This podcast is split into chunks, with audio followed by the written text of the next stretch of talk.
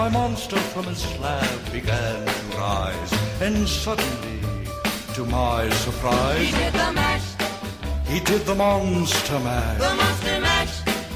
It was a graveyard smash. He did the mash, It caught on in a flash. he did the mash. He did the monster mash. From my laboratory in the castle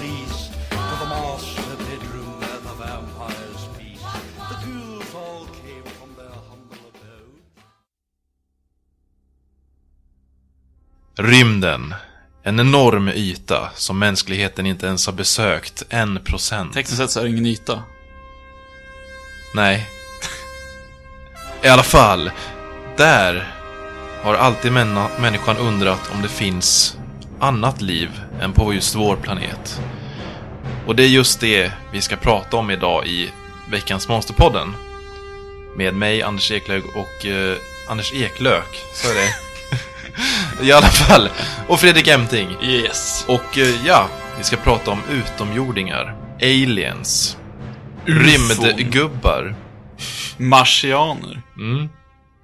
Eh, vad har du på det? Eh, vad är liksom en utomjording egentligen? Så här, om man ska ta konceptet och begreppet så.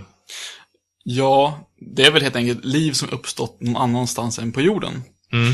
Eh, Jag har skrivit så här att det liksom är en utomjordisk livsform som eh, finns på en annan, eller som är från en annan himlakropp än jorden då.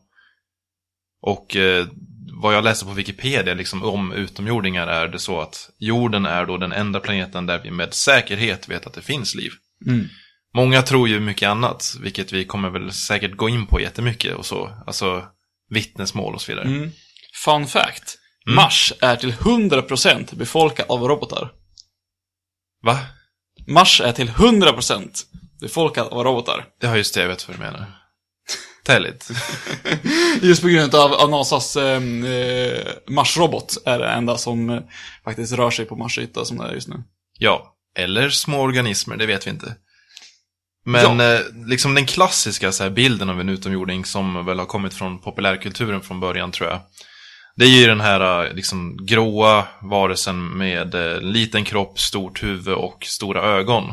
Yes. Som jag inte riktigt vet liksom vart det ursprunget kommer ifrån så, men eh, Ja, jag- det är ju väldigt fast så som en speciell, alltså det är ju typ den så vanliga bilden av en Ja. utomjording. Många vittnesmål säger ju att det är så också. Ja. Jag tror det är väl från vittnesmål som den här bilden av de gråa utomjordingarna kommer. De kallas för Grace, populärt. Och har väl blivit någon slags standard eh, utseende för hur vi föreställer oss aliens. I alla fall eh, efter eh, 1900-talet. Mm. Ehm, så, men, men som sagt så tror jag att det, det kommer främst ifrån folk som har återberättat historier där de har blivit eh, kidnappade av eh, utomjordingar. Och när de återgett de här utseendena så har de väl oftast haft eh, eh, beskrivningar av, av eh, långa eller korta, väldigt korta människor med eh, kolsvarta ögon. Mm, precis. Och det är där, därifrån som den här versionen kommer. Mm. Hur kan de annars se ut? Liksom, det är inte bara den enda bilden som finns.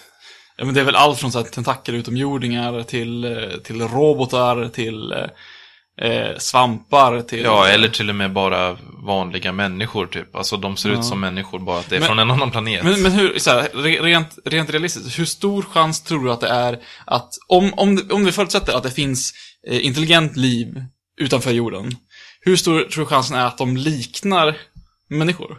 Alltså det det, nu är inte jag någon forskare eller någonting, men alltså det är det jag tror många fastnar på. Att så här, de tror att bara för att, alltså en, eh, en, en vad heter det, kriterium för att vara liksom, eller för liv. Det är ju att det behövs vatten eller en annan så här, näringsbaserad vätska. Eller eh, atmosfär är också så här, en, en sån grej. Och eh, till exempel att man tänker då att de ska vara just eh, människoliknande varelser med armar och ben och ett huvud. Eller liksom som andra djur med fyra ben eller kanske som en fisk liksom. Men det är inte säkert att de ser ut så. Det Ja. kan ju vara, vara, det kan, det kan vara helt andra förutsättningar, Ja. tänker jag. Men, men jag tänker också att om man tänker sig att det här, de här utomjorden då kan konstruera föremål. De har liksom så här äh, verktyg och de har byggnader och sånt. Då är det ju ganska praktiskt att, att man behöver ju någon form av händer och någon slags tummar ändå. Mm. Så på så sätt lär de ju likna oss. Och för större livsformer är det väl mest praktiskt med ett jämnt antal, liksom att men två, två ben och två armar samt att vara upprättgående. Jo, men sen finns det ju mycket varelser på jorden som inte är särskilt praktiska. Alltså vissa djur som har konstiga ben eller andra annorlunda saker Jo, som kanske jag- inte är så speciellt jättebra. Men, men, men, men, men tror du att, att sådana varelser skulle kunna liksom utveckla abstrakt tänkande? Jag menar, anledningen till varför människor utvecklade abstrakt tänkande var väl just för att de som var bäst på att tillverka redskap som de kunde liksom hjälpa dem i vardagen överlevde bättre än, än övriga. Så jag Ja, tänkte, om, om en livsform har kommit så pass långt att de kan tillverka verktyg och liksom, ja men till slut komma fram till rymdåldern som människorna har gjort, så, så krävs det ändå liksom en, en kropp som är någorlunda byggd som, som våran. Ja, det är ju det är sant faktiskt. Eh, sen tänker jag väl också säga att även om de kanske har händer och liknande tankesätt så, är det säkert att de tänker i de banorna att de vill resa ut eller att de ens bygger samma typ av saker som vi har gjort i vår civilisation. Nej, alltså det, är det som är lite, lite problemet också, att när man tänker på, på intelligent liv i universum så förutsätter man ju att, att intelligens eller abstrakt tänkande då är en naturlig del av utvecklingen. Att allting som lever till länge någon gång kommer att liksom utveckla en civilisation. Vilket förmodligen inte alls är fallet. I och med att, så vitt vi vet, är, är människorna och människosläktet de enda riktigt intelligenta livsformerna som någonsin uppstått på jorden. Så att det är nog, alltså vi kanske snarare är undantaget än liksom de mer utvecklade Jo, varelserna Jag tänker så här, det är nog större chans att det finns andra planeter med djurliknande varelser, Mm. som, alltså djurliknande våra djur då, som inte har det här tänkandet som vi har. Mm. Det tror jag är mer, alltså en större chans än att det finns människoliknande tänkande varelser. Ja. Och framförallt så tror jag att man ska börja kolla efter eh, alltså växt och svampliknande varelser. Jag tror att de är större risk att, eller större chans att sådana uppstår före eh, faktiskt intelligent, eller ja, liv, annat liv. Eh, men sen tror jag också att, eh, att, att växtlighet ger möjlighet för eh, ja, men, krällande livsformer, alltså insektliknande eller liksom fiskliknande varelser att uppstå. Ja, real, realistiskt sett då tänker liksom de stora forskarna eller NASA och så, de tänker ju mest på, ja men finns det vatten? Det är en grej så här. Ja, det är väl Och sen viktigaste. kanske det finns, oj, det kanske finns typ bakterier eller mikrobiska varelser här. Längre än så är det inte ofta man tänker, för Ja. det är så stort steg liksom att faktiskt hitta sånt. Man, man, har ju, man har ju funderat på om verkligen vatten är det enda eh, som, ämne som liv kan uppstå i. För att de flesta livsformer behöver ju vatten för att eh, men, kemiska reaktioner ska kunna uppstå, som är en nödvändighet för liv. Eh, men man har också vaga misstankar om att, eh, jag tror det är flytande eh, etan, liquid ethane, jag vet inte riktigt ifall det är det det heter på svenska, men eh, också skulle kunna vara ett, eh, ett medium för att kunna eh, få fram de här eh, kemiska reaktionerna som krävs för, för liv. Ja, just det. Så det håller man på att forska i eh, idag. Ja. Ehm, en annan del av just här, UF, eller utomjordingar och så i, i liksom själva kulturen så kring det, det är ju just flygande tefat eller ufon. Ja. Som eh, också tar upp det här med eh, att folk blir kidnappade och så. Och eh, den första så här, vittnet någonsin som är, alltså i modern tid av just eh, ordet tefat och ufo och sådär. Det var då en eh, privatflygare som hette Kenneth Arnolds som såg styck, nio styckna runda skivor den 24 juni 1947 i himlen då. Och han beskrev det som att de hade en skälvande rörelse som om man slänger ett tefat över en vattenyta. Mm. Och det är ju typ därifrån det kommer då, Flying Saucer då som är tefat. Okej. Mm. Men, men om man kollar tillbaka så har det väl ändå funnits, om man, man ser på ordet U, UFO, eller eh, Unidentified eh, Flying Object, eh, översatt till svenska så blir det oidentifierat flygande objekt. Eh, OF, eh, eh, O, UFO. Blir det. I alla fall. Eh, så redan på år 240 före Kristus så har man ju eh, nedskrivna rapporter eh, från Grekland, tror jag, där eh, man sett eh, märkliga flygande föremål. Så det här är liksom förmodligen inget nytt. Men jag tror att det var först eh, i början där, eh, 1930-talet, 1940-talet, som, som det blev, liksom kom till vårt medvetande igen. Jo, precis. Och det var ju då det började populariseras. Det, det stod även att efter att det här hade hänt, liksom att det här hade dykt upp i tidningarna, så började det dyka upp väldigt mycket mer sådana här vittnen. Eh, liksom, det kom in skitmycket sånt och det kom in massa foton och förklaringar att folk hade blivit kidnappade och de hade sett saker. Liksom. Det, det är lite så. Vissa tror ju att det bara är en sorts masshysteri. Att man tror att det, det, men det här dyker upp i den allmänna synen så och så börjar folk se saker. Liksom. Det, så, sådana teorier finns det ju. Men, men, men tror du att, att andra världskriget och kalla kriget har haft liksom en stor inverkan på att folk börjat se märkliga saker? För att på något sätt föreställer jag mig att medvetandet om ett, hot eller liksom att, att hålla uppsikt över, över eh, eh främmande föremål eller liksom sa, okända saker utifrån blir större under sådana förhållanden, under krigsförhållanden eller under liksom Ja men, som det var under kalla kriget, när, när ett kärnvapenkrig var ovanligt nära. Jo, så kan det absolut vara. Och sen typ när det hotet kanske är försvunnit lite grann så börjar man leta efter annat. Jag vet jo, inte. lite grann. Eh, Men sen finns det ju även så här gamla medeltidkonst och så där man typ ser ufo-liknande grejer. Men det säger ju inte jättemycket för det finns typ medeltida konst med eh, katter som har rockets på ryggen och grejer. Just och det är typ ett vapen. Här, det var en idé på ett vapen. Det, det är fantastiskt. Man liksom skjuter iväg katter över murar och så som är arga och attackerar. Eh, så det kan ju liksom, att någon har ritat det, det kan ju vara bara ett koncept eller det kan vara det kan bara vara konst, kan ju fantasi vara liksom. sagor, liksom. Ja, Så, precis. Men, eh, Alltså, jag kan man inte släppa de med katterna. Alltså, gud vilket överflöd av katter de måste ha haft. Ja, jag vet inte riktigt vad det var för person som gjorde det där, men Nej. det är väldigt märkligt. Jag vet inte, det, det, nu släpp, går jag lite från ämnet här, men det, det finns väl koncept på att man skulle ha slungat eh, pestinfekterade lik över eh, murar för att liksom sprida sjukdomar innanför fiendeläger. Säkert, det är väldigt ifrån ämnet. Ja, men ja, åter till... till Men eh, lite grejen med ufon är ju så här att som mycket annat som vi pratar om när det har att göra med verkligheten då, eller vad man ska säga, verkligheten, ni förstår vad jag menar, eh, så är det ju ofta dåliga foton eller dåliga filmer när Ja. det dyker upp sånt här. Det är väldigt ofokuserat. Ja. Och mycket förklaringar till det här, eller teorier till hur folk har gjort sådana här bilder är ju att folk har typ kastat en, eh, ett soptunnellock eller en navkapsel eller någonting som skulle kunna se ut som det på rätt sätt. Så att det i den hastigheten ser ut som någonting som åker över ytan liksom. Och Ja. det ser ut som att den faktiskt är där uppe i himlen. Mm. Och jag tror till och med att, att en pa, upp och ner en pajform har använts vid något tillfälle. Del av en dammsugare kunde upp och ner en pajform. För ett av de mest kända foton. Och då ska vi tänka på att under den här perioden, under en period innan man eh, vart kanske har den kritiska blicken som man har idag så kunde sådana bilder vara värda väldigt mycket pengar. Vilket kanske var anledningen till varför folk började förfalska. Ja, faktiskt. Och sen finns det så här ett väderfenomen också med någon moln som typ ser väldigt så här runda ut, eh, som en liten cirkel typ. Mm. Som också är en teori då, Ja. vart många vittnesmål kommer ifrån. Jo. Men, men, men hur, hur stor del utav, liksom, tänker så här, ufo-sightings tror du är liksom galenpannor och lögnare eh, kontra hur många det är som faktiskt har sett någonting konstigt?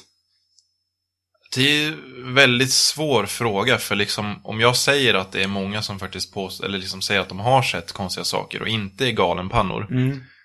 då säger jag ju att det faktiskt finns. Ja. Gör jag inte det? I, alltså lite grann.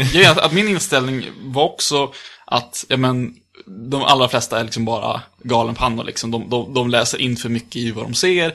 Eller de, eh, ja men, ljuger för att liksom så här, få, få sin historia liksom att verka lite mer. Men det här har jag nog berättat för dig tidigare också. Du kan ha glömt bort det. Men jag har ju sett oidentifierade flygande objekt själv.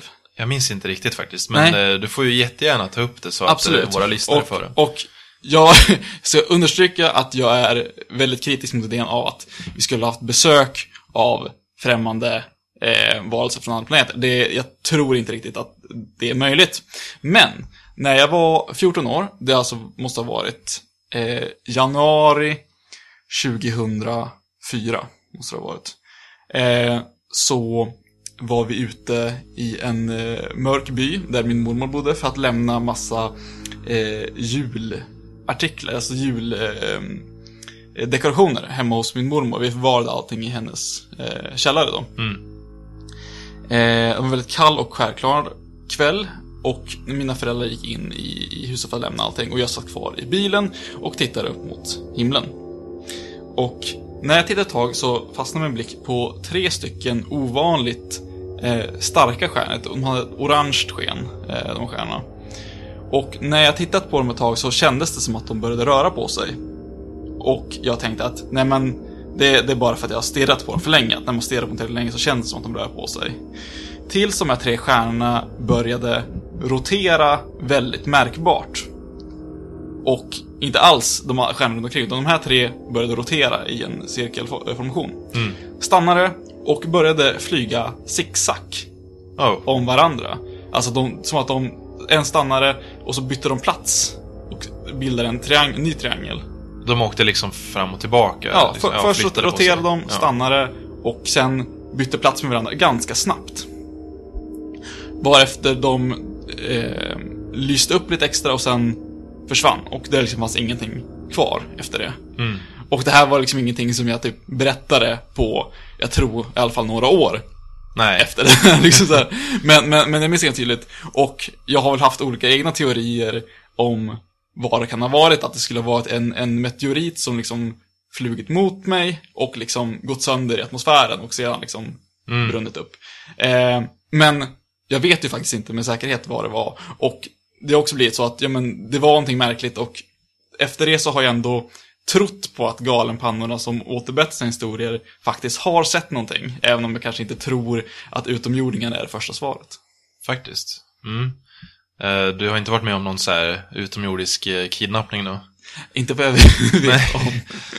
För det är ju liksom det här som är kopplat till just med ufon, att eh, många har ju vittnesmål om att de har blivit upplockade på natten till exempel av rymdskepp och sen blivit eh, typ drogade och eh, att utomjordingarna har undersökt kroppen och så, skärt upp en och Ja. liksom Probat. kollat, ja precis, och typ kollat ens organ och grejer så här, Ja. för att undersöka. Och det är ju, det är, så här, det är svårt att se det som något annat som en galen panna, jag vet inte. Jo. Och så vitt jag vet så är det väl liksom folk som åter, återlevt de här är väl inte alltid, har inte alltid varit psykiskt stabila människor. Nej, Eh, det behöver inte betyda att de ljuger, men I'm just saying. yeah. Man har ju också un- under vissa eh, platser hittat eh, kor som legat så här döda, typ hundra stycken. Och många av de här eh, korna har haft eh, så här skalpell eh, sår, eller upp, uppfläkta längs buken med skalpell-liknande precision. Och man har länge trott att ja, det här är ju eh, ufon. Det är ju aliens som har ob- obducerat korna och dumpat dem nere liksom, i hagen igen. Ehm, och det här har hänt eh, flertal gånger, liksom, ända fram till liksom, modern tid. Och det är först senare nu som man har lyckats eh, debunka det genom att det förmodligen rör sig om blixtnedslag. Ja. Och kor som har, har döda ett tag och sedan börjat bli uppätna av, av eh, maskar som har väldigt fina tänder, varav de har fått eh, sår som liknar dem från skalpeller. Jag tror att du nämnde det i ett annat avsnitt, i ett helt annat det- sammanhang. men, Förmodligen eh, har ja. jag gjort det. Ni, ni som lyssnar känner säkert igen det i så fall. Ja. Rymdmonstret. Monstret. Monster. Monster. Elektriskt monster. Elektriskt monster. Jag tänkte, vi, jag vill prata lite mer om det här med, alltså om de faktiskt så här, finns och har besökt oss. Ja. För det finns ju en paradox som heter Fermi-paradoxen. Ja. Från då en man som hette Enrico Fermi som 1950 formulerade frågan Var är de någonstans? Ja. Om de faktiskt ska ha besökt oss. Och det är ju just det här, apropå då att det egentligen inte finns några tecken på liv då på andra planeter eftersom vi inte sett rymdskepp eller fått radiokommunikation så. Vissa påstår att det finns, vi har mött rymdskepp men yeah. Det finns ju inget tydligt så liksom som faktiskt eh, flera har sett samtidigt eller liksom något stort så. Nej. Och problemet är ju liksom att eh, galaxen som vi är i, den är ju så pass gammal och väldigt stor. Att eh, om det skulle finnas rymdvarelser som skulle kunna åka med rymdskepp som skulle kunna komma till oss då. Så borde de ha besökt oss väldigt många gånger. Med tanke på hur gammal galaxen är. Och eh, det som är lite så här kul med den här, det finns ju olika så här knäppa teorier liksom och svar på så här vad, hur det här går till. Ja. Att de, så här, varför finns de inte liksom? Varför har inte vi sett dem? Vi, vi tror ju ändå att det finns någonting där ute, men varför har de inte mött oss? Och då finns det några olika hypoteser då kring de här. Och en av dem är zoo-hypotesen. Okej. Som då innebär att eh, de hittade vår planet för väldigt, väldigt länge sedan, utomjordingarna. De tyckte liksom att vi var intressanta eller ville så här, eller underhållande att titta på eller så här, i forskningssyfte ville se på oss.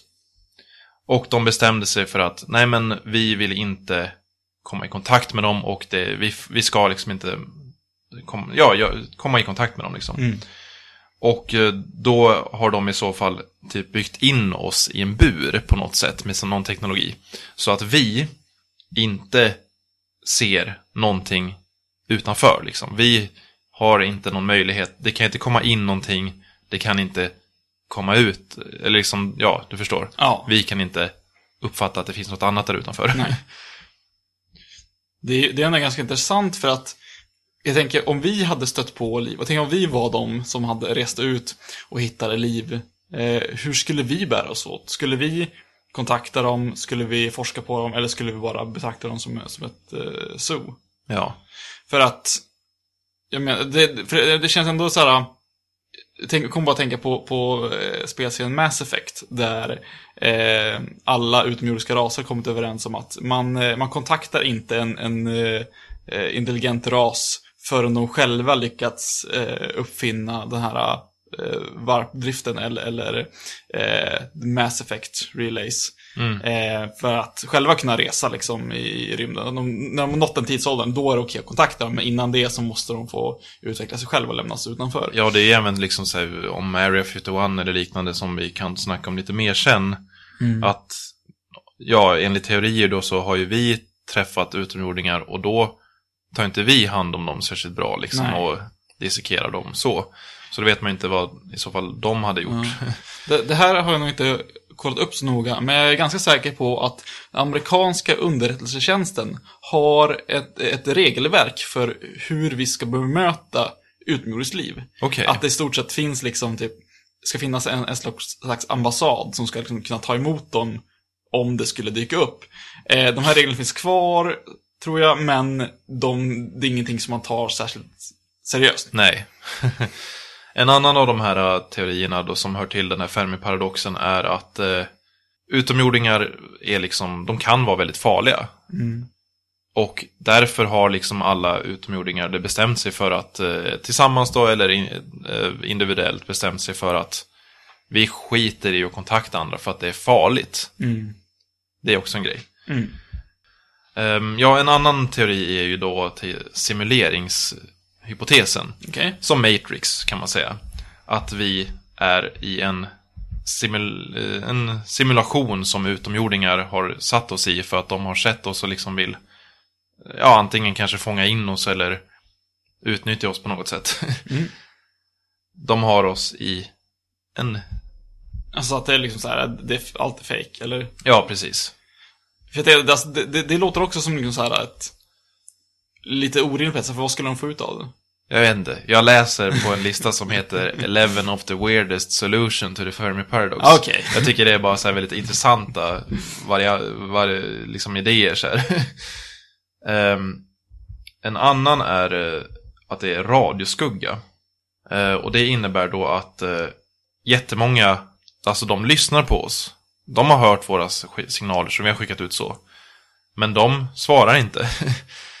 För liksom, Ja men ett, en, eh, ett exempel som de har tagit upp är att så här, det, skulle, det är ungefär som att vi skulle skrika ut i djungeln. Det är ju ingen som svarar då, eller så svarar de, så, alltså djuren då, så är det ju ändå inte att vi förstår vad de säger. Så här. Alltså de kan ju ha svarat, vi förstår inte, eller så väljer de att inte svara liksom, för de, ja, de förstår inte liksom. Nej, precis.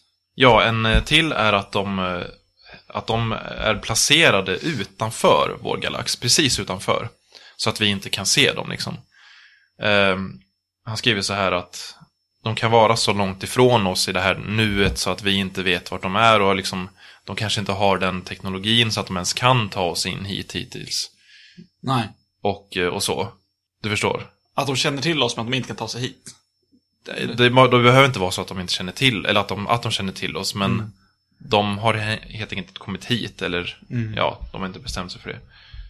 Chansen för, för liv anses väl vara ganska stort med tanke på hur många galaxer det finns och hur många stjärnor det finns i varje galax och hur många planeter det finns kring de här galaxerna. För att man brukar ju prata om eh, guldlockzonen. Mm. Och guldlockzon är ju den eh, eh, område runt en stjärna som inte är för varm och inte för kall, utan precis lagom.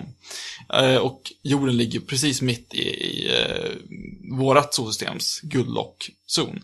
Och när man har kikat på det här så märker man att det, det finns ganska många planeter. Alltså de flesta solsystem har ändå ett gäng planeter och jag tror att det var åttonde eh, planet eller något sånt där, fall tionde, tolfte. Det är ganska många planeter i alla fall som har en planet eh, i sin guldlockzon. Mm. Eh, det vi kollar efter nu när vi, när vi söker i rymden är ju eh, att kunna analysera, med hjälp av ljus analysera vilka gaser som finns på de planeterna. För att hitta gaser som till exempel eh, metan, som anses vara någonting som, som uppstår i och med att liv uppstår. Att det, liksom, det, är, det är organisk materia som skapar metangas. Ja, just det. Eh, för, för vi har inte så många sätt nu att faktiskt analysera huruvida ett, ett, en planet är beboelig. Eh, men eh, grejen som många missar när det kommer till just liv i yttre rymden är ju att eh, vi här på jorden, alltså jorden är väldigt exceptionell. Eh, mer än vad vi kanske tänker på. Att en planet ligger i guldlockzonen där det kan uppstå vatten kanske inte alltid är tillräckligt. Ja, För att jorden är ju precis rätt storlek. Alltså så pass stor att eh, det kan uppstå liv som klara av att, att med hjälp av muskulatur springa omkring på, på ytan. En, en större planet kanske inte skulle Kanske liv skulle kunna klara av att med hjälp av, av eh, de material som finns tillgängliga eh, skapa kroppar som, som kan röra oss som vi gör. Eh, dessutom så har ju jorden en, en eh, flytande kärna. Mm. Som man tror är liksom en, en kvarlämning efter att vi blev träffade av en jättelik meteorit som skapade månen. Eller en, en jättestor himlakropp som eh, skapade månen. Våran flytande kärna gör ju att eh, jorden har ett väldigt starkt magnetfält som skyddar jorden ifrån eh, strålning, vilket också är ett krav för att liv ska kunna leva. Mm. Och dessutom så på grund av det här så har vi ju eh, årstider. Årstiderna gör att liv är möjligt att uppstå på, på större delen av planetens yta. Vi är en planet med en fast axel. Alltså som inte, eh, om man säger så, roterar runt sin egen axel som jorden gör. Så skulle livet ha väldigt svårt att uppstå nära polerna där det är för kallt och eh, nära ekvatorn där det skulle vara för varmt. just det. Och dessutom så har ju, hjälper ju vår måne till att stabilisera den här axeln. För att om månen skulle försvinna en dag, så skulle jorden börja spinna liksom hejvilt och det skulle liksom bli, bli kaos. Ja. Eh, så att det är ju inte bara att ha liksom en, en lagom stor planet i guldrockzonen som krävs för att, för att liv som vårat ska kunna uppstå.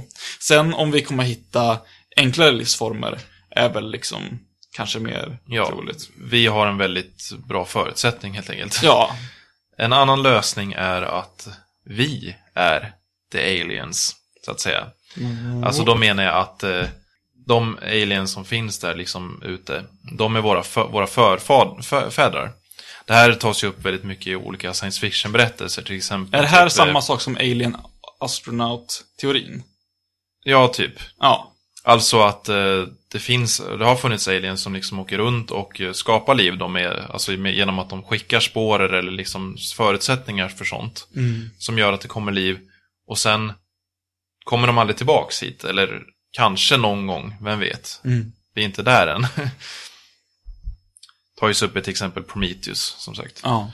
Ehm, en annan som jag tycker är ganska intressant, det är ju att un, vårt universum är kanske så pass nytt. Alltså, vår tidsuppfattning är ju en helt annan än vad Alltså, vi människor, vi har en viss tidsuppfattning så att för att vi lever en viss längd så. Eh, och att vårt universum är alltså fortfarande, det håller fortfarande på att utvecklas och eh, förändras väldigt mycket. Så de här eh, liksom, förutsättningarna för att eh, ha avancerad intelligens sådär, de har precis fallit liksom, så att det faktiskt går. Mm. Om man tänker perspektivsmässigt, liksom. Ja. man får ändra på perspektivet lite. Mm. Ehm, till exempel att det är därför det är tyst, för att vi är typ de första liksom, Ja. Som faktiskt är så här smarta och har kunnat kontakta oss. Ja. Vi är inte där än, så att vi kan komma så långt att, att vi hit, har hittat till och med ointelligent liv. Då. Jo. Och alltså, rent logiskt sett så, intelligent liv som vårt kan ju ha uppstått, fast uppstått väldigt långt tillbaka i tiden vid en, vid en eh, stjärna, en, en äldre stjärna som under sin tidigare period hade förutsättningarna för liv. Men tänk till exempel om det här inträffade för, för 65 miljoner år sedan då, då dinosaurier levde på den här planeten. Vi hade liv, inget, inget intelligent liv, Mm. eh, men kanske intelligent liv på, på en annan planet. Eh, men det har inte funnits förutsättningar att, att kontakta varandra. Och sen efter det så har den här civilisationen dött ut för det som händer när det går liksom 65 miljoner år. Vi kommer antagligen inte ha vår civilisation om, om 10 Nej, miljoner år. eller? precis. Eh, För det är just det att perspektivet är så jävla stort så att så här, för vi säger 20 miljoner år sedan så kanske Mm. inte så kanske det fanns någonting liknande. Och så var det otur då att de inte finns kvar när Ja. vi finns. Och, eller att nu kanske det finns några långt, långt borta.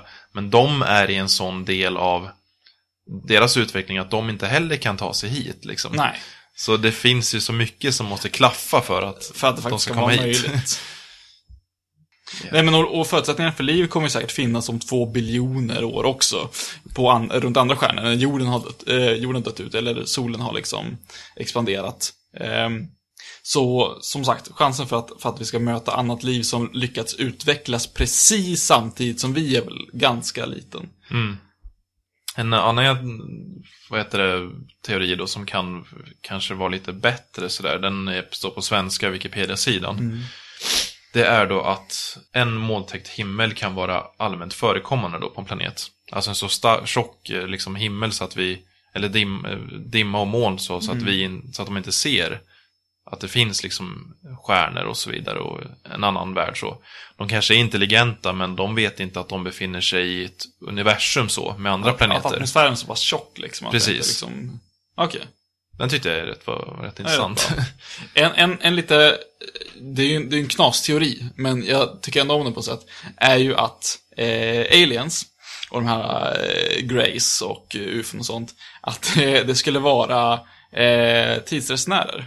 Mm. Att anledningen till varför de liknar människor så pass mycket är helt enkelt att det är, är människor från så långt in i framtiden att de har utvecklats till, bortom vår, vår liksom kännedom och sedan eh, rest tillbaka i tiden och liksom för att studera oss.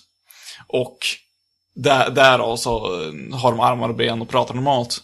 Ehm, och därför de inte vill, vill kontakta oss. De vill inte att vi ska få kännedom om att, att Yeah. eh, tidsresor kan uppstå. Men, men eh, kanske inte så troligt. Men kul.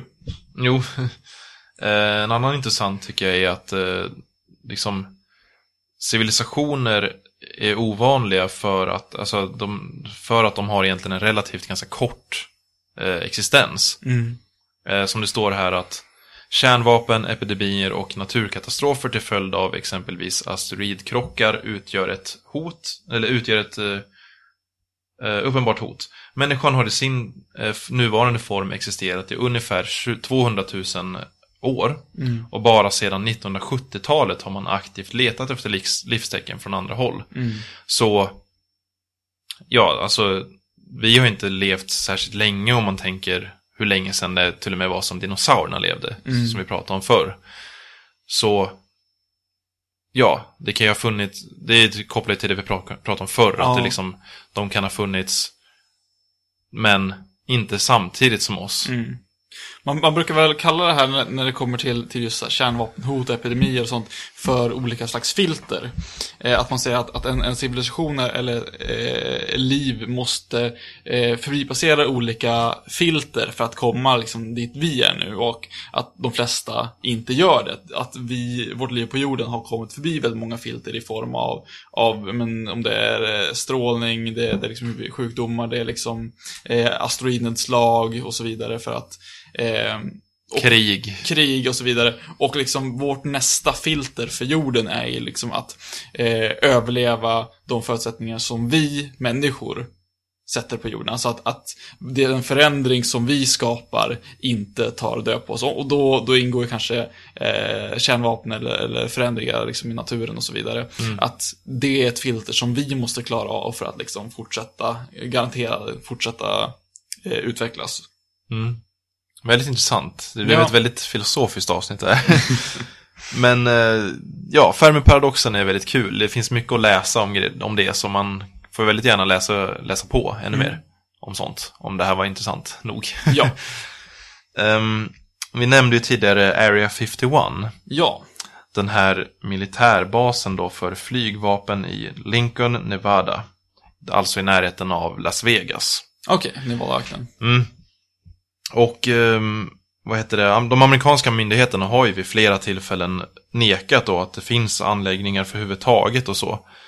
Vissa tror ju att det är för att det är liksom en bas för alienforskning. Mm. Medan andra bara tror att det är för att det är helt enkelt en väldigt hemlig militäranläggning. Ja.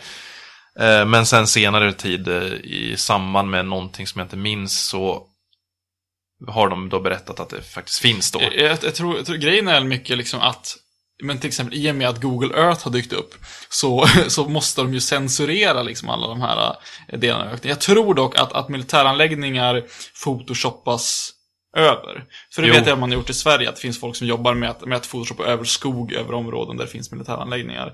Men att det, det un, un, då har liksom kommit fram att ja, okej, det finns en anläggning, men vi kan inte berätta var. Just Ja, det har ju att göra folk- med folk- alltså, säkerheten för, Ja. för krig och mot andra länder. liksom.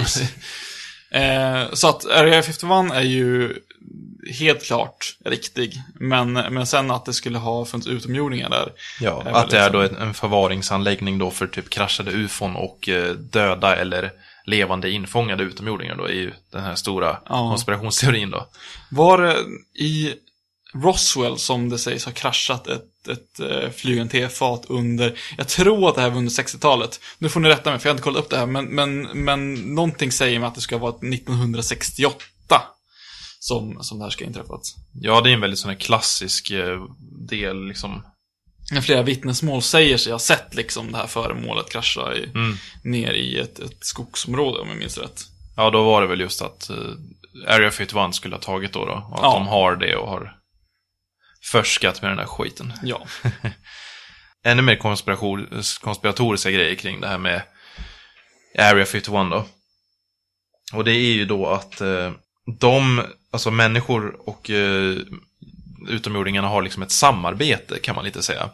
Alltså att vi utnyttjar varandra. Amerikanska myndigheterna har träffat utomjordingar och de har bestämt sig för att samarbeta. Och då kan det vara, eh, vissa av det här samarbetet då, vad det ska gå ut på. Så är det då dels att så här, utomjordingarna förvarar vårt DNA och så, de tar vårt så. Och de kan göra egna, med sina eh, science stuff, liksom, kan de göra egna människor eller eh, nya raser så utifall att vi skulle gå under, liksom ett samarbete så. Vi får veta lite om rymden och lite hjälp så.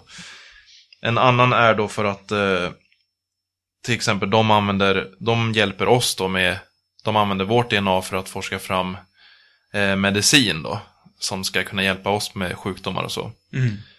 Eh, och eh, till slut då en väldigt evil variant där de utnyttjar oss för att de ska få fram genetiska vapen så att de kan utrota oss. De har liksom övertagit i det här. Ja. Ja. Det är ju väldigt, väldigt konspiratoriskt. Men- men- att liksom de har ett, att det är ett samarbete så. Jo, men jag tänker mig liksom om en, en ras skulle stå på, på gränsen till utrotning. Tänk er liksom att en, en utomjordisk planet skulle liksom förlora eh, all, alla förutsättningar att, att, eh, att kunna leva på. Eh, ja, men tänk att, att det slår ner en asteroid eller att eh, det utbryter kärnvapenkrig, planeten är så pass radioaktiv att, att de varelser som, som bodde där inte längre kan, kan stanna kvar. Eh, de reser och hittar jorden. Och deras alternativ är då att men antingen eh, landa och liksom, ja, men, utrota eller försva, eh, liksom förslava oss. Eller att själva dö ut. En, en, en ras liksom i den ställningen, vad skulle de göra? Skulle de liksom säga att nej men den här rasen måste få stå över oss? Eh, eller skulle liksom deras överlevnadsinstinkt gå för och de skulle liksom inta jorden? För jag menar, liknande saker rent, alltså om man kollar på, på historien här på jorden har ju har ju skett på liknande sätt, att, att de har koloniserat. Jag Jo, menar, precis. hur vet vi att, att en utomjordisk fast de är väldigt intelligenta, eh, liksom följer samma etik och moral som, Mm. som vi förutsätter. För, för det vi tänker på idag, det är liksom ett relativt nytt koncept ändå. Jag menar, vi har inte tänkt eh, kring de här frågorna så mycket liksom förrän det senaste århundradet. Ja, och det kan ju vara lite det att de är sneaky liksom. De, de behöver oss och därför, och de vill inte skapa liksom stort kaos och inte amerikanska myndigheterna heller. De vill inte att det är det vi ska fokusera på liksom. Nej. Så därför utnyttjar de, de får lite hjälp av utomjordingarna och utomjordingarna får hjälp av oss. Och de Ja. kanske i så fall använder det här samarbetet för att till slut förgöra oss. Ja. Väldigt konspiratoriskt, Väldigt men konspiratoriskt. roligt. Vad tror du om, eh, om Men in Black då?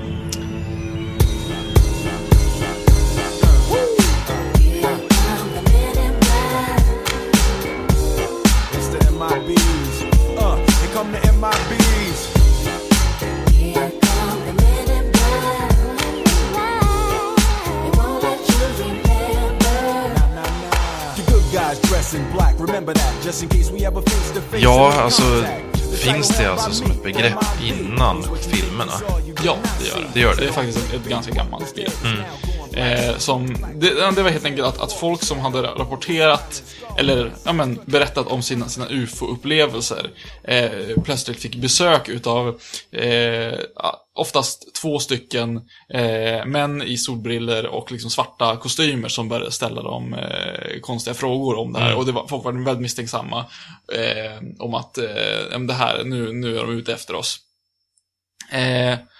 Och att eh, antingen att det här skulle vara liksom, eh, människor som jobbade för utomjordingarna, att de här Men in Black skulle i själva verket vara utomjordingar. Eh, massa olika teorier. Eh, det som det var var väl att det här var helt enkelt eh, vanliga CIA-agenter. De jobbar ju alltid, poliser jobbar ju alltid i, i par. Eh, som helt enkelt, eh, i och med att det var eh, kalla kriget och folk började rapportera att de såg konstiga grejer i, eh, i himlen, eh, så ville de ju veta liksom vad det här rörde sig om. Precis. Och de gick och inte, gjorde en vanlig intervju, och folk som redan är lite kokobäng i huvudet föreställer sig ofta som det här är, det här är liksom så här, äh, inte vanliga CIA-agenter, det här är liksom någonting mycket större. Faktiskt. Och där har de skapat eh, myten om, om The Men in Black. Det intressanta är dock att, att eh, CIA och den amerikanska underrättelsetjänsten faktiskt har haft en, en vad man kallar för X-file, alltså en eh, UFO-fil. Där de, eh, där de arkiverat eh, allting som har med, med aliens att göra, all, all deras forskning. Och eh, i början så tog man ju det ganska seriöst, liksom, att det skulle fun- funnits eh, risk för, för eh, utomjordingar. Eh, men eh, idag så har man ju faktiskt släppt alla de här dokumenten. De har ju varit hemliga fram tills bara för ett, ett antal år sedan. Och eh, man kan nu läsa om, om all, all deras efterforskning på just utomjordingar och eh, ufon. Eh, men större delen är ju bara att de har åkt hem till folk som har sett grejer och eh, visat sig vara eh, dårpannor. Ja, Så att den här läsningen är ju liksom mindre omvälvande än vad man skulle kunna tro. Eh, folk som fortfarande tror att eh, amerikanska staten gömmer utomjordingar säger att det här är ju bara liksom falskt. Det här, här är bara lägger de ut bara för att de vill sopa allting under mattan. Låtsas som att liksom, det här är det riktiga dokumentet, men det riktiga dokumentet är fortfarande liksom i bruk. Jo, men alltså det är ju mycket sådana dokument. Eh, så jag hörde i någon annan podcast där de pratade om just eh, läckta dokument kring militärgrejer och så. Ja. På senare tid med Edward Snowden och sådär. Ja. Ehm, att eh, det är ju ändå mycket som, de har ju släppt ut allt, men Mm. det är jättemycket som är censurerat för att det går ju fortfarande inte att släppa allt för då, som vi sa, det hotar ju att eh, andra länder kan få reda på det som är, ja, emot oss och sådär. Visst. Och många, en, en väldigt bra teori faktiskt. Jag, jag håller mycket med teorin till varför folk eh, började rapportera eh, flygen till F-8 är för att det har funnits en rad prototypplan som varit just diskformade, alltså skivformade. Om man söker på Google bild på prototype eh, disk-shaped eh, airplane så kommer det få upp jättemånga bilder på just UFO-liknande, helt vanliga liksom flyg, flygplan och eh, svävare som utvecklades i eh, mitten av 1900-talet.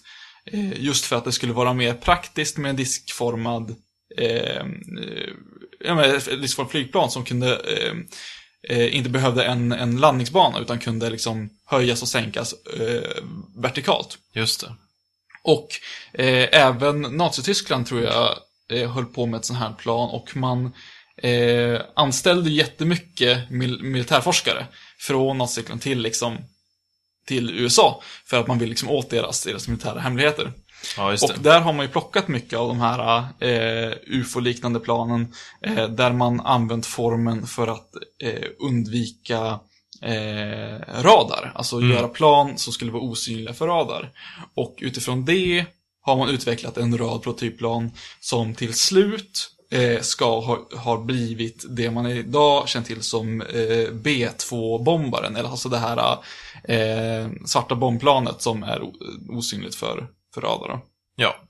Eh, Jag sa ju förut att eh, de amerikanska myndigheterna väldigt länge nekade för överhuvudtaget att det fanns en militäranläggning ens. Och eh, anledningen till- då till att det dök upp att det fanns, att de fick lov att erkänna, det var då för att 1994 så var det två arbetare som stämde basen då för att de hävdade att de hade fått cancer när de hade upp, i uppdrag då att bränna så här radioaktivt avfall och så. Och eh, då fick de lov att erkänna då att det finns en militäranläggning där som sysslar med grejer. Men om de sysslar med utomjordingar, det, det är en annan sak. Det, det är ju, jag tycker det är så himla roligt det där med att det finns någon lag som säger att man kan kräva ut så här eh, hemligstämplad information under vissa förhållanden. Eh, jag vet bland annat att det finns en, en galen, alltså jag tror att han var typ arketypen av en eh, tinfoil hat. Alltså en man som, som gick kring med, med eh, Foliehatt. foliehatt. Och eh, han var helt säker på att, att då, att, att, att staten försökte läsa hans tankar. Mm. Och han, han krävde att, att eh, få ut eh, dokumenten som, som bevisade att eh, eh, man forskat liksom, på, på, på tankeläsning inom, inom försvaret. Eh, så han stämde eh, försvaret. Och ja, de var ju faktiskt tvungna att erkänna att ja, vi har forskat på tankeläsning. Eh, vilket egentligen var helt orelaterat till den här mannen på alla sätt och vis. Men under en period så har de faktiskt använt sig utav, utav eh, modern forskning för att eh, se ifall tankeläsning med, med eh, dagens teknologi var möjligt. så att ibland kan ju sen saker faktiskt framkomma som, som sanning, även om det kanske ligger en bit ifrån vad galenpannorna eh, Jag, tror att, jag tror att Area 51 är en eh, bas då f- eh, för samarbete. Ja. Ja. Rymdmonster. Eh, Jag läste en eh, artikel från Aftonbladet faktiskt. Den lär ju ha källan någon annanstans från början tror jag. Eftersom det är just eh, amerikanskt. Och den lyder så att jag råkar veta att de har varit här. Det är fr- från då en eh, gammal eh, astronaut från NASA. Som då påstår att de har varit på jorden. Ehm, han hette då Edgar Mitchell och var en del av besättningen i Apollo 14. Och eh, det var alltså då sjätte mannen på månen var han. Okej. Och han menar då att NASA har mörkat den här sanningen i ungefär 60 år då. Ehm, och så var det då att, um, ska vi se. Han säger då så här.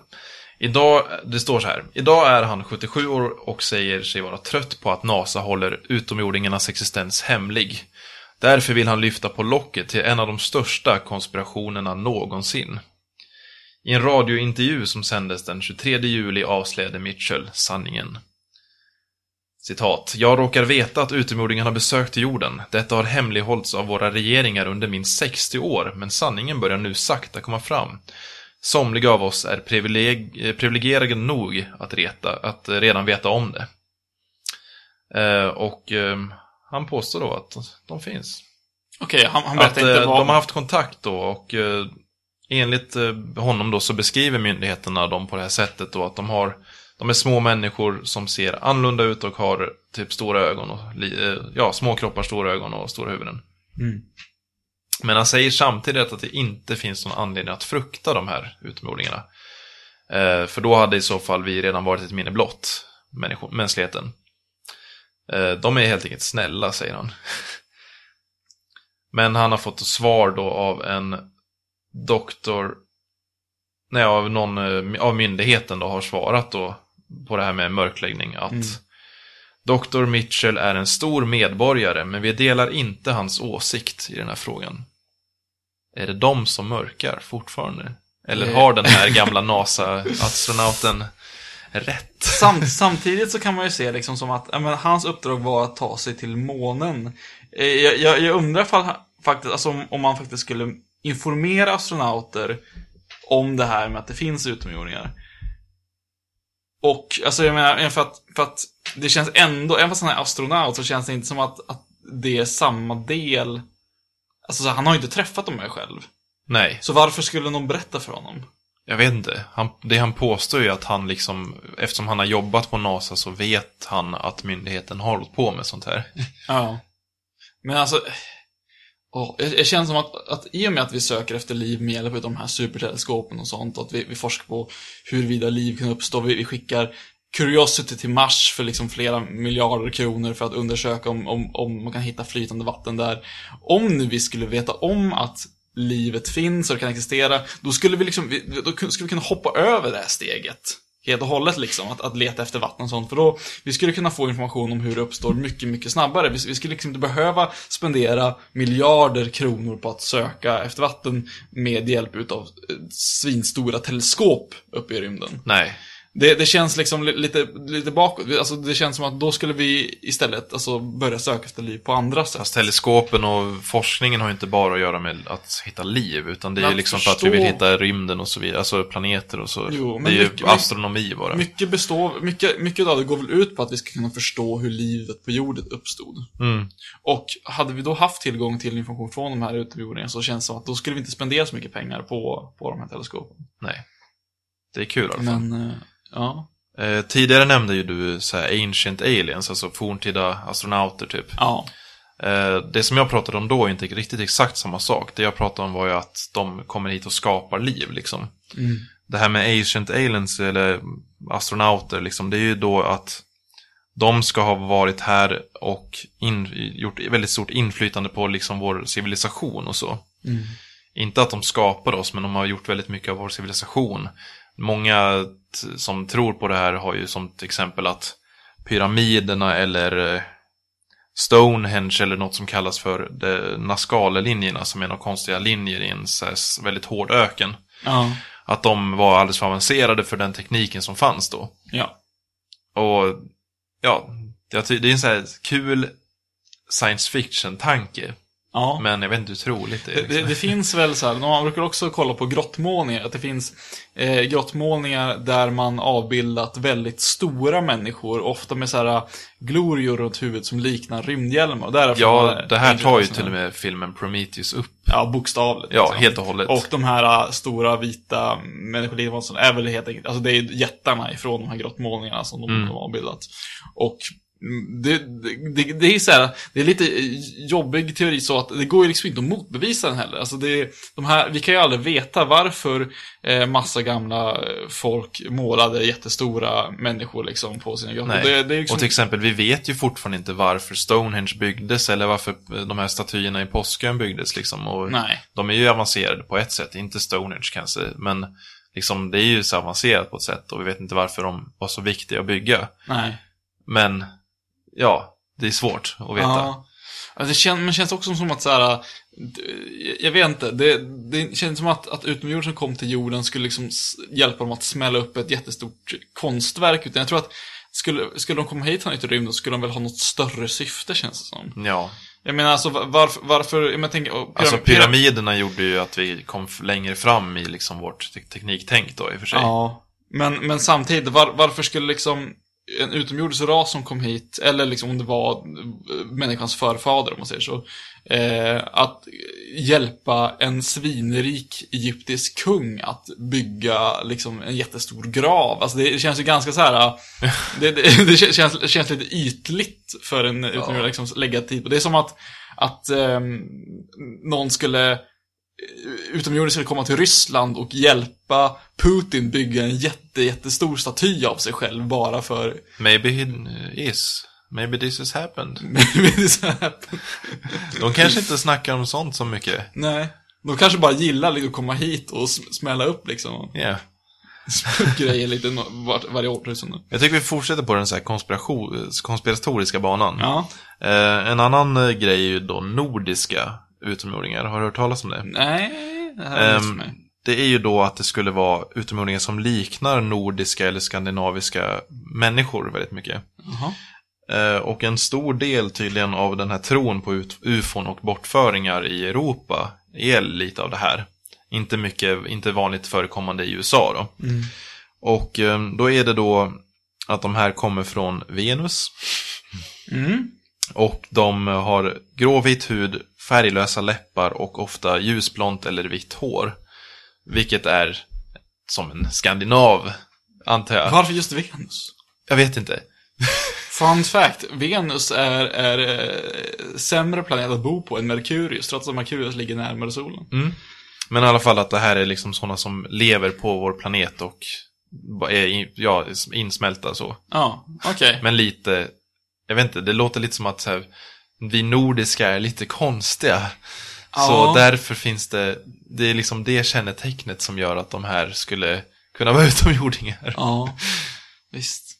Ja, eh, jag vet inte hur mycket jag tror på det, men det, Nej. det, är, väl en cool teori jag. Det kom i alla fall upp som andra sökord efter att jag skrev utomjordingar. Så kom det upp som andra grejen på alltså Så direkt. ganska- Och en, eh, en grej på Wikipedia då. Nordiska utomjordingar. Det är ganska populär teori förmodligen. Ja, Kan som man, sagt. kan man gissa sig till. Ja, som sagt, det är ju så här tydligen vanligt Ja, ja, när du bland säger just nordiska ut- bortföringar i Europa då. N- när, när du säger nordiska utomjordingar så tänker jag genast på, på eh, Marvels eh, asagudar. Där Ja, just det. Eh, Asgård är en, an, en annan del av verkligheten. Det är som en annan, det är som yttre rymden på något sätt. Ja, det är väl rymden. Asgardians är liksom en annan ras. Ja. Där. Som inspirerat de nordiska myterna. Precis. Det finns ju faktiskt, alltså, väldigt många, om man kollar på, på gudamyter runt om i världen, eh, gudar som ska ha anlänt från stjärnorna eller född från månen och så vidare. Mm. Så att det, är, det är också vanligt förekommande. Just vår fascination med, med liksom, stjärnorna och, och eh, rymden som ligger utanför oss har ju alltid varit eh, väldigt stort. Mm. Alltså nu är ju inte Cthulhu en religion så, men, utan det är ju något som är skapat av en författare. Ja. H.P. Lovecraft. Men det lever ju mycket kring det här att det är andra varelser som antingen är här eller har varit här som har påverkat väldigt mycket och påverkar mänskligheten så. Ja. Väldigt så här kosmiska monster som på något sätt påverkar oss. ja. Bara att de typ finns här, fast vi inte riktigt vet det. Något annat som också är skapat av en författare, men som också är religion, är scientologin. Mm. Det är inte det, nu, har inte jag, nu kan jag säga att jag har världskoll på scientologin, men är inte det också lite att det är aliens som vart förslavade och deras själar vart satt i en vulkan, eller? Om jag ska försöka ta det här från mitt minnet så var det en planet någonstans. Mm. Där, om det var så att den här stora civilisationen skickade dit liv eller någonting. Eller att det redan fanns där. Och då vart det att den här stora civilisationen kom och typ bombade den här väldigt lilla planeten och eh, gjorde så att de här själarna från den här, de åkte ut i en jävla vulkan, de åkte ut i rymden och skickades typ, de här själarna skickades typ in i oss på jorden. Ja. Och det är typ därför vi mår dåligt. För att vi har de här själarna inne i oss som liksom lider. Ja. Och det är därför man mäter det här, vad heter det, EM? Ja. Stress, Någonting, eh, ja precis. grej. Och det är ju liksom lite det som är del av scientologin, att man, eller scientologin, att man ska ta reda på hur mycket sånt man har, hur hög nivå man har och hur man ska få bort det. Ja. Alltså jag, jag liksom så här, jag, jag, jag kan, kan ha åsikter om hela den här eh, att de, de som suger ut folk på pengar liksom i Sandvikskyrkan. Sen, sen tycker jag liksom inte att, att, att själva historien är så mycket galnare än någon annan religion i- liksom, Nej. i världen. Men, och liksom, på ett sätt är det, är det lite häftig i hela liksom den här utomjordings alien liksom. Det är lite originellt tycker jag. Jo, På något sätt. South men- Park tar ju upp det här väldigt bra. Jo, jag- Den kan man ju kika på om man vill få en Ja, snabb men jag, jag har genomgång. också någon minne av att, att, att de ska ha rest med stjärnorna till jorden i flygplan som såg ut som så här Boeing... Jo men så var det, just det. De åkte hit och typ... Jag vet, det är Vi- jättekonstigt. vi borde göra ett helt eget avsnitt av, scientologin. Om Sino. inte att han kanske är ett monster? monster, nej inte riktigt, Nej. men ändå så här. Eh, nej men i alla fall. Hade du något mer gällande konspirationer? Ja. Ja, nu blir det ju faktiskt lite mer monstruöst än vad det faktiskt har varit i det här avsnittet, tycker jag. Och det är ju det här med ödlefolk, Just eller det. reptilians. Som jag fastnade väldigt mycket för nu när jag satt och researchade. Ja, men kör. För att det, det är väldigt påtagligt alltså. Inte att jag tror det, men... men det är ju då alltså en utomjordisk ras som tar mänsklig form. Och eh, tanken är då att de är här på jorden och styr vårt samhälle väldigt stort så. Okej. Att de liksom tar de är de här, många av de stora ledarna eller politiker och så är då lizard people som styr vårt samhälle. Okej. Och eh, det var typ en snubbe som hette David Icks eh, som lever nu typ som är så här, han som har populariserat den här väldigt mycket. Gammal baseballspelare, eller? Ja, han var någon så här, var, han, jag kollade upp han ganska mycket. Han var någon idrottsman. Eh, sen i något, ja precis. Och sen i något tv-program så typ gick han fram och sa att han var Jesus. Okej. Och typ var jätteseriös med det och så. Och sen var han väl mest hånad av det. Ja. Och sen senare år så har han kommit fram med den här eh, Reptilian-grejen då. Ja. Så han, som han så vitt jag vet åker omkring och föreläser om idag? Han, Jo, han tjänar gör det. ganska stort Alltså på det går ju bra för honom. Det är det som Ja. är så intressant nu när jag har kikat mycket på det här, är ju att det verkar fan finnas skitmycket folk som tror på det här. Mm. Sökte jag på Reptilian på YouTube så hittade jag typ hur mycket dokumentärer som helst som var upp till tre timmar långa om det här. Ja. Eller korta klipp där det är så bevis på att den här, eh, Ja, den här vad heter det, politikern är en reptilian för att han gör något konstigt läte eller att man ser något i hans ögon Det, eller det, tänder. tror, det tror jag är det vanligaste. Jag har sett, sett både liksom, eh, videos där, där det påstås att här kan man för kort stund se att de har egentligen har orange så här, reptilögon, så avlånga springor liksom. Precis. Och någon, någon video där, där man, de säger att man kan se ett andra par ögonlock som sluter sig Mm. liksom, eh, horisontellt. Ja, och sen är det tydligen så pass stort det här att liksom satanismen är kopplad till det här också. Okej? För att eh, de här reptilians, de är ett jättegammalt liksom, folk som, eh, så, som har kommit hit till oss. Mm. Och de äter, eller de behöver blod. Och det är typ lite därför satanismen finns, för att då är det liksom offer till dem. alltså det är så här, det kanske inte så här satanisterna vet, men det är det som är deras grej. Att de så här, gör offer till de här reptilians. Och- snackar vi sat- satanism som i det alla säger att satanism egentligen är, eller snackar vi som djävulsdyrkan? Faktiskt djävulsdyrkan. Jag tror riktigt sat... Eller någon blandning av det liksom. ja Sådär. okej. Jag vet inte exakt, men det är någonting med det där. Och sen också att de tydligen gillar barn väldigt mycket. Och det är därför In det finns... Ja. Ja. Eller de äter barn. Oh. Så. Och det är därför det finns pedofiler. Pedofiler är reptilians. Ja, det är en ga- ganska liksom kontroversiell åsikt Det är jättekontroversiellt, men det är vad Oh. han säger. Är det, det är David Dicks eh, ord. Heter han Ick? David Dick? Ja, precis. det är han som har, har sagt det med pedofilerna. Precis. Okej.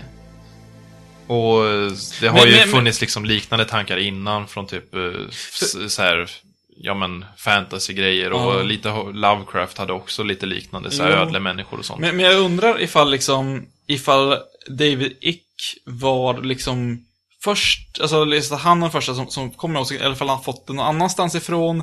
Eh, fast han var en, det var en som var så pass känd att han kunde få ut de här åsikterna. Alltså att han, han använde sitt, sitt kändisskap som, som, som eh, baseballspelare eh, för att ta fram de här eh, teorierna.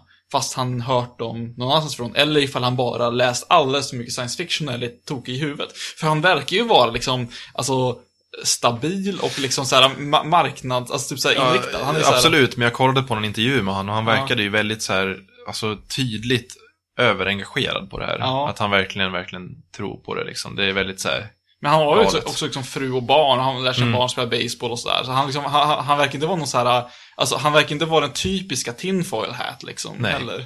och de är ju tydligen så här, eh, en och en halv meter till tre och, eh, sju, tre och sju meter långa. Mhm.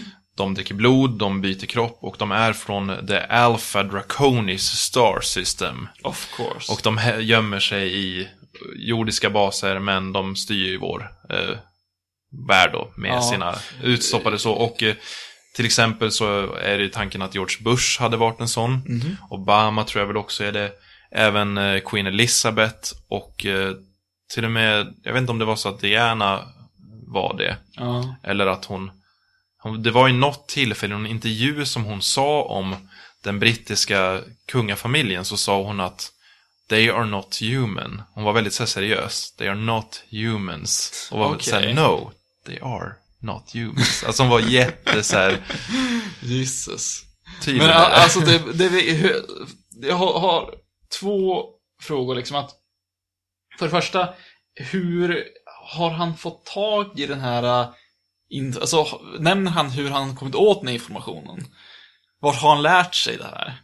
Det har jag inte tänkt på. Jag tror att han bara har kommit fram till det för att, av iakttagelser liksom. Ja. Men alltså, typ så hur kan man via iakttagelser liksom komma fram till att de kommer från Alpha Mm. Draconis liksom? Ja, det är lite märkligt. Och- Men som du sa att han är väldigt populär, så tydligen så Ja. har han så här supporters i 47 länder och han har gjort eh, föreläsningar för typ uppemot 6000 pers på samma gång liksom. Ja. Och tydligen så gjordes det en, eh, en undersökning då som visade att, ja 2013, att ungefär 4% av de registrerade, vad heter det, röstarna Mm. eh, tror på hans teorier. Och idéer. Jävlar. Det är skitmycket. Ja, för jag, för jag undrar liksom så hur, hur många som faktiskt, alltså såhär, å, återigen, alltså typ såhär, det, det, det känns så himla galet just för att han anser att levande människor som vi ser i TV är utomjordingar. Jag menar, hade han bara sagt att ja, men, mm, det finns utomjordingar omkring oss men vi kan inte se dem riktigt. Då hade det liksom känts som, men, som, som någon slags religion. Alltså, så här, det, det hade inte känts helt galet. Men just det här att han säger att den här människan specifikt är inte mänsklig. Det är det som, som alltså det är, det är ett ganska rejält Ja, det är ett påhopp. jävla- det är ett liksom, påhopp. så här. Helt otroligt. Ja, det är ju sjukt faktiskt. Det blir väldigt så här direkt. Ja. Att den här, det är en jävla utomjording som bara vill Som- ha och typ suger blod Så liksom. de må- måste ju vara väldigt så bra på att planera i och med att de så här kan jag vet, fejka ett helt liv och en uppväxt fram Mm. till liksom politisk eh, Ja. bana. Alltså det, det Jag känns- kollade på någon klipp eh, på YouTube eh, med någon eh, snubbe som gör typ vloggar där han pratar om Ja. mycket så här konstiga grejer. Och han hade runt bara tusen views på sina klipp och så. Ja. Så det var märkligt att jag hittade han. Men eh, han eh, snackade om det här i typ 20 minuter. Att han verkligen trodde på det. Och det var väldigt det här att, ja men, vi som kanske är väldigt skeptiska, vi är väldigt, eh, vi är inte open-minded liksom. Att vi tänker inte, ja men så här, ja det där är bara trams liksom. Det är bara trams, vi tänker inte efter. Och han var ju väldigt så här, ja men de är ödlor och den är den. Men så här att det är inte alltid så att de är onda typ, utan de finns här bland oss och bla bla bla. Och han berättade om sina möten med dem och Okej. när, när han hade faktiskt varit, kommit i kontakt med sådana här. För det, det, alltså det är en så pass urballad teori att så det, det, det är återigen som hela här scientologin. Alltså jag tycker att det är typ på, något, på någon nivå lite häftigt med teorin om att det skulle finnas. Alltså jag, jag vill ju på något sätt att det ska finnas ödlor som går omkring bland oss. Men jag bara vet att så är inte fallet. Men, men jag undrar ifall, ifall den här, just för att det är lite så här kul att prata om, att det här sprider sig via typ folk som gör podcasts om det, som vi. Eh, till att det liksom just det, som det, det, det är så, så rolig grej att prata om. Att det mycket lättare når fram till de här äh, galenpannorna som faktiskt tar till sig det här. äh. Jo, men alltså vi lever ju i en tid med internet liksom där man kan sprida det här väldigt mycket. Det har ju spridits på internet som fan liksom. Och, och så. Och jag tänker väl lite att det kan vara en väldigt, väldigt stor creepypasta. Ja, Du vet vad det är. Alltså, ja precis. En, berättelse som, en berättelse som skriven på internet som ofta är medvetet liksom påhittad. Mm. Men skrivet på väldigt så här trovärdigt sätt och så, berättat på ett sätt och så kan det liksom sk- skapas av det blir, det, det blir som en, det evolverar med hjälp av andra och skapas eh, ett stort mytos kring det Alltså, liksom. alltså att folk medvetet sk- skriver fiktiva liksom, iakttagelser av det Ja, här och sen för att- fortsätter folk på det, tror på det, de skriver vidare, liksom, de blir inspirerade av, det här har jag sett, något Ja. liknande liksom. liksom, Jag tror att det kan vara en väldigt stor sån, medan sen vissa tror väl att det kanske är på riktigt. Men, Att, att, liksom, att, Ja. att en, en stor del är troende, men också en stor del liksom bygger vidare på det för att de har det som hobby, för att de tycker att det är lite jo, roligt. Liksom. det är på skoj liksom. det, är, det är fullt möjligt att det är så. Men en grej som jag tyckte var intressant, är att den här boken som han tog fram allt det här Ja. på, den kom 1999 eller 91 eller något sånt Mm. där. Jag är inte siffrorna helt klara så. Eh, och eh, tv-serien V, Mm. som leker väldigt mycket med det här, den är från typ 80-talet. Ja. Så det var inte så att han kom på den här idén liksom. Nej, och det var ändå att som- den idén kom på populärkulturellt. Och även så har ju som sagt H.P. Lovecraft gjort lite liknande grejer. Och andra science fiction och fantasyförfattare har gjort Jo, lite andra grejer med så här, uråldriga ödlefolk eller folk som ödlefolk som Ja. är i, inom oss liksom i världen. Det, jo, precis. Lovecrafts mest kända liksom, version av det är väl, heter den The Terror of Innsmouth? Eller vad heter Ja, något sånt. Något sånt. Jag har läst den, jag kommer inte ihåg vad den hette just nu. Men, men där, nu spoilar jag den här eh, novellen då, för er som inte har läst den. Lä, gör gärna det, om ni inte har läst den så gör gärna det. Men eh, där kommer man för att undersöka en, en ort som heter Innsmouth. Eh, där folk beter sig väldigt konstigt och liksom så här, eh, man märker att, att folk verkar vara lite inavlade eller liksom så här, har lite konstiga ögon, luktar lite fisk eller blek, liksom så här blank hy. Och i slutändan så visar det sig att de här eh, varelserna är eh, typ eh, barn eller yngel av den här eh, fiskliknande varelsen som lever i vattnet och i slutet så vandrar alla eh, borna, liksom ortsborna ner i havet eh, och försvinner. Och det är liksom exakt samma sak i stort sett, fast den eh, liksom... Han eh, kom på den här Reptoid hyp- hypothesis i boken The Biggest Secret 1999. Och eh, han menar också att de här reptilians är en race of gods known as the Anuki in the Babylonian creation myth som heter Enuma Elis någonting. Ja. Och tydligen enligt någon så är det liksom att han, hans idé om det här med reptilianer som bor på det sättet är inte hans idé, utan alltså det är inte något nytt. Men han har ju absolut utvecklat den väldigt mycket. Okej. Han gjorde den väldigt populär så. Eh, så det finns ju tillbaka så. Men det är ju svårt att tro liksom. Men jag tycker det är väldigt intressant som ett fenomen att det är så Jo. jävla trott liksom. Att det, det finns så mycket om det på internet. Men alltså typ så här, jag, jag, jag tänker ändå att om, om det här är liksom en hel ras så det är ju att bara styra lätt genom liksom våra politiker, vilket de inte verkar göra så bra jobb. Alltså jag har så svårt att se vad de får ut utav det. För de verkar liksom inte, inte fortplanta sig liksom, är deras mål liksom att, att till slut ta över oss, att alla ska vara reptilians eller liksom vad, jag, jag har svårt att se liksom alltså, sammanhängande liksom. Jo men så här, om de utnyttjar oss för att så här, kunna typ käka oss och så, så förstår jag inte varför de ska så här, st- styra USA liksom. Nej, precis. Och ja. Nej, jag, jag, jag, som sagt, jag, det är kul, men, men, men jag, ser verkligen Ja, inte. det är väldigt intressant. Men, men hur ser den här, alltså finns det någon namn för den här rörelsen? Alltså, Ja, det vet jag inte Det faktiskt bara- riktigt. för att, alltså, hur, hur ser, alltså har det, har det varit populärt men att det har blivit mindre, eller tror du att det blir mer och mer populärt ju, ju större liksom internet blir? Det tror jag. Som sagt så tror jag ju mycket att det är en sorts creepy pasta som har Mm. utvecklats väldigt stort och liksom är en blandning av folk som faktiskt tror på det och faktiskt, eller liksom det har blivit så populärt av att det är, ja men det är inte på riktigt, men det har blivit väldigt populärt för att det har spridits väldigt mycket. Ja. Okej. Hon har ju armar och ben och pratar normalt. Det gör väl inte monster inte? Vi får väl se när vi slår ner henne. Nu vart det inte så jättemycket så här populärkulturellt snack i det här avsnittet om till exempel IT eller xenomorfer i Aliens och Men vi kommer liknande. göra fler säsonger så att det finns möjlighet Ja, för fler vi avsnitt. om kommer ju nå aliens. sådana aliens också. Det här har varit ett väldigt snackigt eh, avsnitt. Vi lär ju göra ett avsnitt om, om eh, Xenomorphs. Ja, Xenomorpher då i Alien-filmerna. Ja. Det kommer vi nog göra. Så, vad tycker du om utomjordingar som begrepp? Alltså, som sagt. I, I den form som vi prat, har pratat om i det här avsnittet, nu har vi fokuserat väldigt mycket på eh, de här, alltså ufon och liksom påstådda riktiga, liksom, så faktiskt liv i universum. Och jag är ständigt fascinerad av, av idén om att det kan uppstå liv någon annanstans, liksom bara för att förstå hur vi uppstod. Men i övrigt, alltså som sagt, det, det, det finns inte så mycket liksom som, som, det, det är inte så intressant som det ser ut just nu tycker jag. Så att för mig, jag menar, ufon kanske tre av eh, fem möjliga jättestora gråa huvuden Mm. med svarta ögon.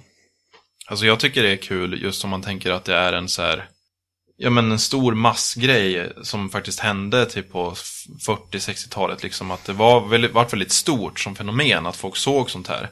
På det sättet tycker jag att det är väldigt intressant.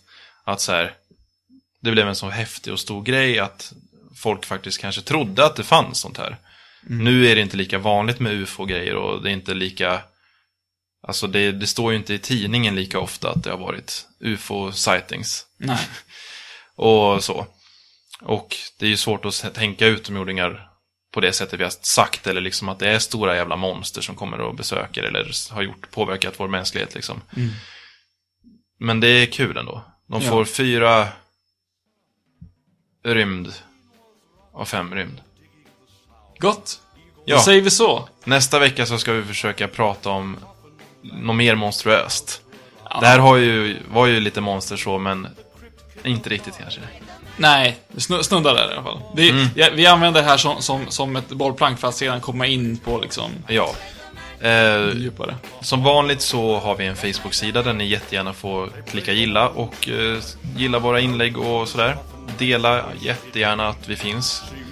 Och eh, ni får ge oss betyg på iTunes om ni vill. Och jättegärna recensioner på iTunes för då syns vi mer. Ja. Och eh, vi har en mail om ni vill kontakta oss direkt som är monsterpodden.gmail.com Jättekul att få sånt in där. Och ja, allt gott så Med det ses säger vi tack för att ni har lyssnat på Monsterpodden. Lyssna gärna nästa gång. Då ska vi prata om monster. This mash was meant to when you get to my door.